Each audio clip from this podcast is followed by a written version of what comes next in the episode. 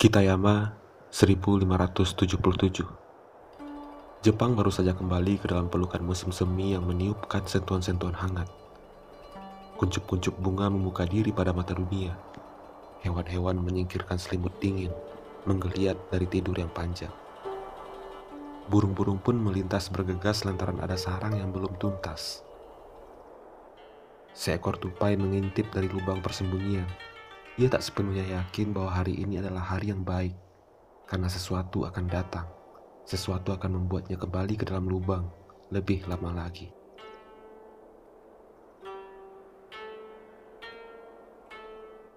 Tak ada musim semi di Kitayama, tak ada harum bunga ataupun aroma tanah. Sepanjang desa ini hanya bau darah. Begitulah yang dirasakan Kage, bocah laki-laki berumur 9 tahun yang baru saja kehilangan ayahnya. Di hadapan kedua matanya, ia menyaksikan ayahnya ditebas katana Entah kenapa samurai bertopeng dan bengis itu berlalu begitu saja, menyisakan nyawanya untuk meratapi semua ini. Ia ingat betul apa yang dibisikkan pembunuh itu sesaat sebelum menghilang dalam kegelapan. Ia berkata bahwa suatu saat ia akan kembali.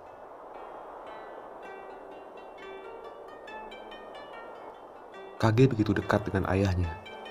Di sisi lain, ia beruntung karena ibu dan tiga adik perempuannya selamat lantaran menginap di kediaman pamannya yang tak jauh dari sana.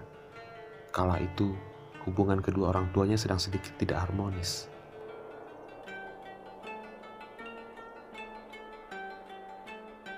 Waktu berjalan semaunya, sementara Kage tumbuh sebagai pemuda yang dingin dengan gumpalan dendam yang memenuhi rongga dadanya.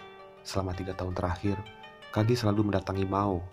Mao adalah bekas prajurit yang sudah sepuh ia dulu tersesat di desa ini ketika menyelamatkan diri dari sebuah pertempuran. Kala itu, lukanya amat parah. Bertahun-tahun mau menyembuhkan dirinya hingga kemudian memilih tinggal di desa ini. Mau kemudian membangun gubuk kecil jauh dari pemukiman, tepatnya di tengah-tengah hutan arah selatan Kitayama.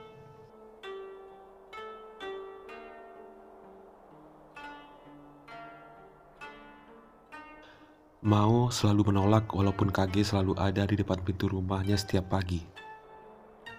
Kage ingin Mao mengajarinya ilmu pedang. Tapi Mao selalu berkata bahwa ia tak mau mengajarkan apa pun demi sebuah dendam. Ia tahu Kage ingin sekali membalaskan kematian ayahnya. Sama halnya dengan hari itu. Begitu kembali dari hutan, Mao sudah melihat Kage menungguinya dengan mata yang sama mata yang tak lagi ingin menangisi apa pun, mata yang nanar dan tajam, setajam sisi katana yang singgah di leher ayahnya malam itu. Apa kau sudah benar-benar siap? Bisik mau. Ia berdiri tepat di hadapan pemuda itu. Kage mengangguk pelan, tak bersuara, karena ia sudah lama tak berbicara kepada siapa pun, termasuk kepada Mao tapi mau bisa menangkap semua maksud yang tumpah di raut muka pemuda itu. Datanglah setiap habis waktu senja, bisik mau, sebelum masuk ke dalam gubuknya meninggalkan Kage.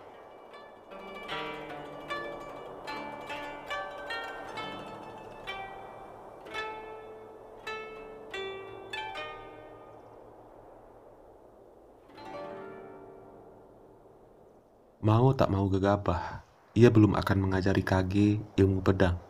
Ia mengawalinya dengan latihan kepekaan. Selama setahun, Mau meminta Kage datang ke gubuknya dengan mata yang ditutupi kain. Semua itu untuk melatih intuisi dan indera pendengarannya. Selain itu, Mau juga menanamkan pemikiran dan jiwa seorang prajurit kepada Kage. Ia ingin Kage tak sekedar punya alasan, tapi juga kemampuan dan kedisiplinan tingkat tinggi.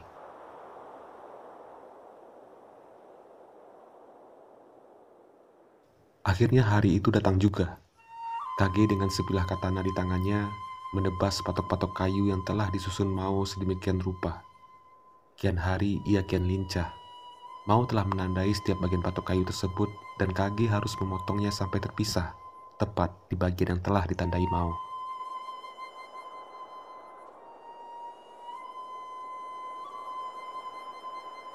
Pada tahun ketiga, di satu malam menjelang pagi, mau membawa Kage jauh ke dalam hutan. Mao berkata, ini adalah tingkatan kedua dari tiga ujian dan simulasi yang harus dilalui Kage. Mao sudah mewanti-wanti bahwa tidak akan mudah melalui semua ini. Tapi Kage bersikukuh. Ia justru tampak bersemangat. Ia sudah tak sabar untuk bisa kembali tidur dengan tenang, sembari menunggu pembunuh ayahnya kembali datang ke desa itu.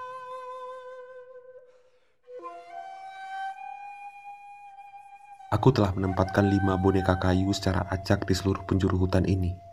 Semuanya telah kubungkus dengan kain hitam. Kau harus menemukan dan menebas semuanya, tepat di sini. Ujar Mao seraya mencengkram area leher pemuda itu. Dan kita akan lihat setajam apa matamu dibanding mata katana itu. Kau harus melakukannya dengan cepat. Seorang samurai tak mengenal keraguan dan tak boleh didahului oleh apa pun, sekalipun itu fajar. Mau memberi instruksi. Jika kau terlambat sedetik saja, kau akan gagal. Lanjut mau.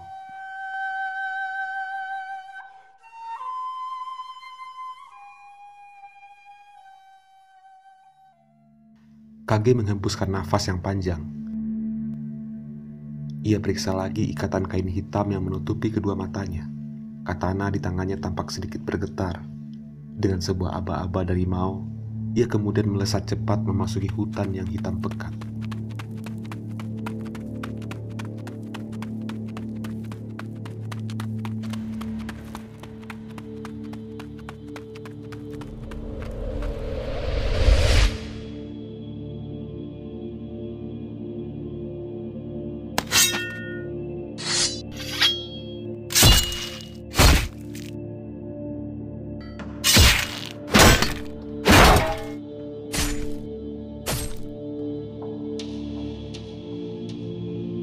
Musim semi seperti telah kembali.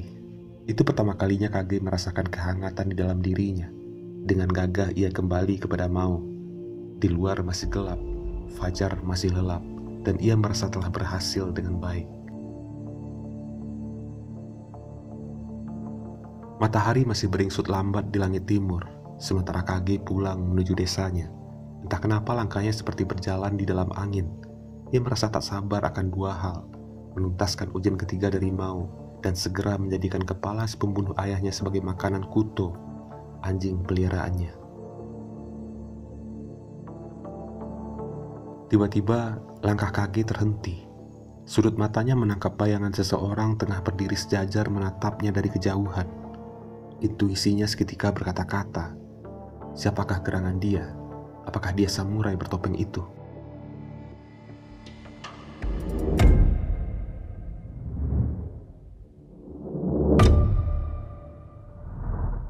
Jarak antara keduanya kian dekat.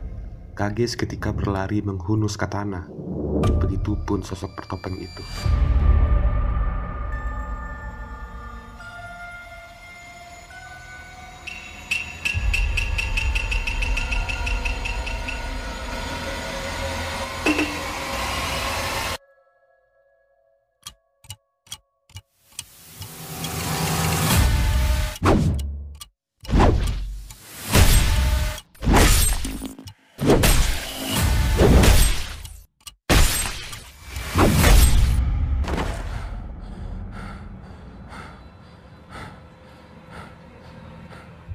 Salah seorang dari mereka tampak tersungkur. Samurai bertopeng itu tampak tak bisa lagi mengimbangi kecepatan kaki. Tapi ia masih bisa tertawa walau tangannya putus dan dadanya sudah tembus. Sekarang kau sudah menjadi seorang samurai, ucap sosok di balik topeng itu. Ia masih tertawa terkekeh-kekeh meski darah terus meluap dari balik topengnya. Kage seperti tak ingin memberi jeda ia memastikan sisi katananya sejajar. Kemudian, ia membelah dua wajah samurai bertopeng itu.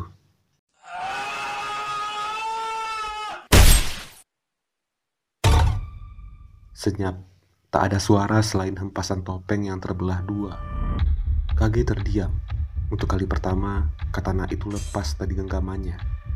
Di balik topeng itu, ia melihat wajah Mao.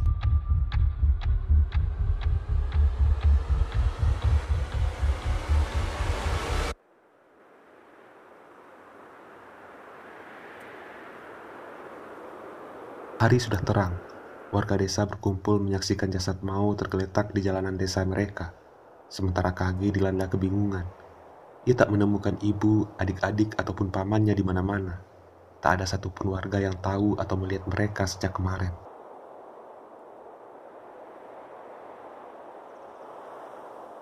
Sementara itu, jauh di tengah-tengah hutan, segerombolan burung bangkai tengah berpesta. Mereka menggerubungi sesuatu berbungkus kain hitam yang diikatkan mau pada pepohonan yang berbeda di seluruh penjuru hutan.